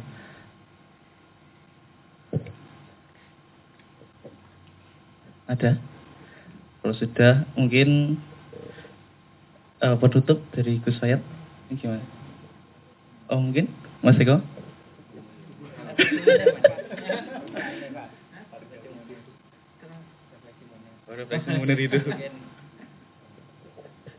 Ya malam ini saya rasa menjadi penting kehadiran kesuayat dan ini kuliah awal sebenarnya sebenarnya dan eh, ber, apa namanya kita bicara kekerasan kita akan bercermin pada seorang sosok yang tadi juga sempat diangkat oleh kesuayat Munir yang sampai hari pun kita tidak pernah bisa menjerat pelakunya karena ngikut ke saya tadi pelakunya memang negara ya, menurut kita bisa. Dan eh, kita kita sebenarnya rindu eh, apa orang-orang yang memiliki keberanian seperti Munir yang yang hidupnya dipertaruhkan untuk sesuatu yang hari-hari ini mungkin terasa seperti sebuah utopia gitu. Tapi pada dasarnya malam ini kita memberi sekaligus memberikan memberi peringatan untuk uh, pria yang telah banyak memberikan jasa besar bagi perubahan di negeri ini. Dari keberanian dialah sejumlah kekerasan itu setidaknya terbongkar. Paling tidak yang saya rasakan waktu itu adalah penculikan mahasiswa. Dulu saya sendiri alami sulit untuk saya mencari tahu di mana teman-teman saya hilang waktu itu gitu. Karena detik-detik penculikan itu seperti sesuatu yang uh, tidak pernah tahu siapa korban berikutnya gitu. Karena pada saat itu penangkapan berlangsung secara aktif dan Soeharto amat kuat gitu dan ketika satu persatu teman kita tidak ada kita percaya bahwa mereka hanya ditangkap tapi ketika sejumlah orang yang ditangkap itu juga tidak pernah muncul di tempat-tempat yang seharusnya mereka ditahan kita kemudian percaya bahwa mereka hilang gitu dan waktu itulah Munir dengan kontras tiba-tiba memberi interupsi atas situasi sosial itu dan mengatakan bahwa bahwa mereka diculik gitu dan di antara adalah oleh Kopassus gitu. Anda bisa bayangkan itu pasukan yang benar-benar perkasa pada waktu itu. Kopassus di arah Jogja Solo itu markasnya aja sudah menakutkan sekali gitu. Saya juga bertahu di belakang markas itu ternyata ada kampus namanya IAIN Surakarta. ini IAIN Solo itu satu-satunya IAIN yang kayak kalau dibikin kiri mungkin luar biasa radikal karena ini hanya satu-satunya IAIN di Indonesia yang bersebelahan dengan Kopassus menurut saya. Jadi ini saya rasa IAIN iya, bukan IAIN Jogja ya. Mestinya IAIN Jogja itu berpindah ke IAIN Solo menurut saya. Ini karakternya masih berbeda sekali gitu. Karena IAIN Jogja itu depannya KFC sekarang ini sampean. Dia sampingnya sudah mal-mal. Padahal IAIN belum tentu bisa ke mall menurut saya dengan UKT kayak gitu. Nah, saya rasa beli beli buku resesi yang nggak begitu mahal aja. Udah terjadi protes ketika kayak gitu apalagi apalagi beli buku margin kiri yang juga lebih mahal sekarang ini menurut saya. Semua yang berbau kiri sekarang mahal ya menurut saya. Dan, dan itu saya rasa membuat orang-orang yang dimakamkan sebagai kiri itu akan malu sekali gitu saya juga ini kok buku kiri lebih mahal ketimbang buku kanan saya rasa buku surat Yasin itu masih murah sekali, dan apalagi bukunya Hasan Albana yang kecil-kecil itu. Dan ketika Munir membongkar itu semuanya dan meletakkan pelaku itu pada Kopassus, tiba-tiba saya merasa waktu itu aliran keberanian itu tumbuh gitu loh. Tiba-tiba kita merasa berani gitu. Ketika ada orang mengatakan bahwa mereka nyulik gitu, itu tiba-tiba ketika si pelaku itu terbongkar itu seperti sebuah aliran keberanian itu menyala di banyak anak muda waktu itu. Dan dan itu yang ingin saya katakan hanya butuh satu dua figur yang mengatakan bahwa dia berani maka seperti katakan tadi ke saya tadi sifat menularnya cepat gitu. Ketika mereka berani maka maka semua orang kemudian berani gitu untuk untuk berusaha menghukum Kopassus untuk berusaha mencac untuk untuk berusaha mengutuk sikap Kopassus gitu. Bahkan waktu itu Kopassus di Solo yang sekarang ini Anda bisa bayangkan jalan Solo Jogja itu hanya ada jalan depannya ada polisi tidur itu hanya depan Kopassus itu menurut saya. menurut saya ini ini apa kamu yang fasih sekali ya. Tidak ada jalan besar ada itu polisi tidur. Dan ketika pembuatannya saya menyaksikan langsung tuh pembuatannya setiap kuli-kuli itu di belakangnya ada Kopassus loh. Saya melihat seperti cover zaman kolonial dulu menurut saya. Jadi ini masa kuli-kuli bikin polisi tidur di belakangnya ada Kopassus gitu. Dan sekarang ini praktek itu tumbuh lagi gitu. Praktek di mana Eh, mereka-mereka secara keji mulai melakukan kekerasan-kekerasan yang tadi saya katakan jauh lebih lebih besar dan lebih luar biasa gitu. Uh, di Perang Tertis kita tadi juga mungkin menyaksikan bagaimana orang-orang rakyat mulai berani melawan tapi kekerasan negara jauh lebih efektif lagi karena kekerasannya amat kompleks dan amat rumit gitu. Ini bukan sekedar sekedar menculik orang tapi juga menculik kesadaran kita dan yang lebih bahaya lagi menculik keberanian anak-anak muda hari ini. Saya rasa e, keberanian itu yang dulu pernah dicontohkan dan jadi tolak dan menurut itu sekarang mulai hari makin surut gitu. Nah, kita berada di malam hari ini tuh dengan apa yang saya saya tadi marilah kita membangun kekerasan yang punya cita utopis lah kita menjadi martir seperti Cak Munir tadi gitu. Sehingga kita bisa membongkar bukan sekedar apa tak bukan membongkar sekedar bahwa Nezar ditulis culik Andi Aris ditangkap. Bukan sekedar itu. Tapi tak Munir juga mengatakan dia loh yang melakukan penangkapan itu. Dia yang melakukan penculikan itu. Mereka lah yang melakukan melakukan kejahatan itu. Nah, pada batas itulah yang kita sekarang kurang.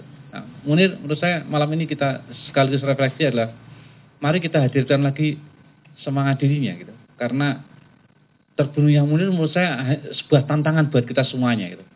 Bukan menambah ketakutan kita. Sekarang kan mulai dulu ketika Cak Munir dibunuh itu selalu ada ucapan, ungkapan kalau kamu kayak gini-gini lagi nanti dimunirkan loh. Waktu ospek kemarin saya sempat ditanya oleh mahasiswa baru itu. Nanti kalau aktif di organisasi nanti jadi Pak Munir Pak. ini cuma aktif di BEM lah mau dibunuh gimana menurut saya. ini betapa rasa takutnya mahasiswa baru menurut saya e, kalau diaktif di BEM itu jadi cak munir gitu. Dan itu artinya ketakutan tuh sekarang begitu merajalela gitu. Maka film-film horor laku semua, Conjuring 1, 2, 3 itu orang menikmati ketakutan menurut saya. Jadi orang itu benar-benar pengen men, ano, pengen pengen ano berdesperat dengan ketakutan. Padahal yang kita butuhkan sekarang ada sebuah keberanian dan keberanian ini mari kita hidupkan malam hari ini. Nah, eh, kuliah ini adalah kuliah awal untuk melihat kekerasan lebih mendalam untuk kita tidak semata-mata anti kekerasan, nir kekerasan. Setiap teroris baru ngebom lalu NU Muhammadiyah dan orang masuk masuk bergandeng tangan mengatakan kami tidak suka kekerasan. Begitulah ini menurut saya upacara yang Allah sendiri pasti menistakan itu menurut saya. Saya nggak yakin Allah meridhoi tindakan mereka menurut saya. Karena dan dan saya nggak kita nggak mau apa namanya melawan kekerasan dengan upacara dan jabat tangan seperti itu gitu. Kita membutuhkan keberanian seperti Cak Munir untuk membongkar tradisi kekerasan yang sudah sedemikian rupa. Saya rasa malam hari ini merupakan malam yang penting karena kita memperingati satu detik kematian seseorang yang sampai hari ini saya bikin komiknya aja Gramedia nggak mau jual Gus. Jadi saya, bikin komik mereka Gunung Munir itu ada foto muka-mukanya para militer tuh hampir semua toko buku nggak berani menjual komik itu sama sekali gitu. Toko buku pun ketakutan menurut saya. Jadi ada banyak ketakutan yang kini melanda dan saya rasa malam hari ini kita diingatkan kembali. Marilah kita genggam sebuah keberanian karena tadi saya katakan semua nabi itu berani gitu. Peristiwa Ibrahim Ismail itu adalah peristiwa keberanian menurut saya. Dan banyak-banyak nabi-nabi juga ah, memiliki sebuah keberanian gitu. Dan saya rasa kalau kita beranjak dari sana, maka keberanian itu adalah sebuah posisi etis menurut saya. Ada sebuah sebuah posisi yang etik gitu. Sehingga pada dasarnya yang jahat aja sekarang berani gitu. Entah itu koruptor, koruptor itu kan menurut saya ceritanya menjadi kayak cerita serial film cerita, cerita silat gitu. Ada aja yang baru-baru kalau bapaknya korupsi, anaknya keponakan, saudara gitu dan itu ini menjadi urutan yang lucu gitu menurut saya. Dan yang jahat aja mereka berani. Jangan sampai keberanian itu diambil oleh mereka yang harusnya tidak berani. Gitu. Nah ini kekuatan saya keberanian keberanian itu sekarang ditransfer pada orang-orang yang sebenarnya harusnya takut gitu. Polisi dengan mudah berani mengusut hanya di mahasiswa bahkan dekan fakultas vokasi UGM kemarin dengan berani menyidang mahasiswa yang membuat spanduk tulisannya demi Allah UKT itu mahal gitu. Itu aja mereka disidang dan BM, BM tidak akan diberi diberi dana kalau tidak segera mencari siapa pelaku pembuat spanduk itu gitu. Bayangkan hanya membuat spanduk demi Allah UKT itu mahal aja dekan marah menurut saya. Dan harusnya dekan sadar atau takut gitu menurut saya. Dia tambah berani mengintimidasi mahasiswa itu. Saya bilang itu baru demi Allah. Nanti kalau demi Nabi sahabat, saya rasa rektor UGM pun makan marah semuanya gitu. Ada orang yang harusnya itu takut, sekarang menjadi berani mereka itu. Dan ada orang yang harusnya berani menjadi takut gitu. Kalau dunia sosial kita bergeser dari orang yang harusnya takut jadi berani, yang harusnya berani jadi takut, ini dunia ini kehilangan apa? Kehilangan sesuatu yang layak untuk kita tinggal di dalamnya menurut saya. Lalu kita berada di mana kemudian? Kalau dunia yang kita tinggali itu kemudian bertukar nilai semuanya, kita kemudian kebingungan mau mau bergerak dengan cara seperti apa? Nah, menurut saya mari kita interupsi itu dengan merebut yang harusnya berani adalah kita, yang harusnya takut adalah mereka. Nah, upaya itulah yang malam ini sebenarnya ingin kita teguhkan lagi dan Cak Munir uh, apa namanya memberikan satu simbol yang mungkin kalau dalam istilah agama itu kan orang yang benar itu sesungguhnya kan tidak mati menurut saya. Jadi e, mereka itu kan sebenarnya Allah di dalam Quran saya lupa bunyinya Gus saya. Kalau soal Al-Quran Gus saya jangan paham. saya, tapi saya tahu maksudnya itu lah kira-kira. Artinya Allah pun mengatakan itu tidak mati loh. Mereka itu tidak mati. Saya rasa tak mungkin mati, tidak mati. Yang mati itu Soeharto tambahan. Walaupun di truk-truknya mengatakan piye kabar menurut saya itu lebih mati dia. Sudah hampir untuk hidup pun dia harus di bawah truk-truk di segala macam gitu. Untuk hidup pun dia harus nebeng ke rakyat kecil menurut saya. Kemudian hidup malam ini gitu. Hidup tanpa harus tempelan poster muka dia atau apa pun gitu. Tapi Munir sebenarnya hidup di hati kita. Nah, bagaimana cara menghidupkan menghidupkan Munir itu lagi? Ya mari kita berani seperti dia gitu. Karena dengan seperti itu kita ingin mengatakan bahwa Munir tidak dibunuh gitu, tapi Munir lahir lagi gitu. Dan saya rasa lonceng kematian apa lonceng kematian ketakutan itu adalah menghidupkan kembali Cak Munir gitu. Dan hidupnya Cak Munir itu bukan oleh simbol Omah Munir di Malang sana menurut saya. Itu Omah yang sekarang agak sepi juga kayaknya. karena, karena Munir kok dijadikan Omah itu menurut saya agak lucu juga gitu. Tapi menurut saya mari kita hidupkan keberanian itu dengan malam ini mari kita berikrar untuk menjadi Munir-Munir lagi. Dan Munir adalah sebuah jejak dari jejak-jejak yang dulu ditanam oleh orang-orang baik yang lain. Dan kalau jejak-jejak itu hilang, maka dunia isinya penjahat. Dan kalau semua dunia isinya penjahat, maka apa layaknya kita bicara kebenaran menurut saya. Dan ketika dunia ini berisi aneka penjahat, mengatakan sesuatu kebenaran itu merupakan sebuah lonceng yang besar dan itu wujud dari kebenaran, keberanian. Makasih teman-teman, malam ini saya hanya mengantar kata itu semua. Terima kasih. Assalamualaikum warahmatullahi wabarakatuh.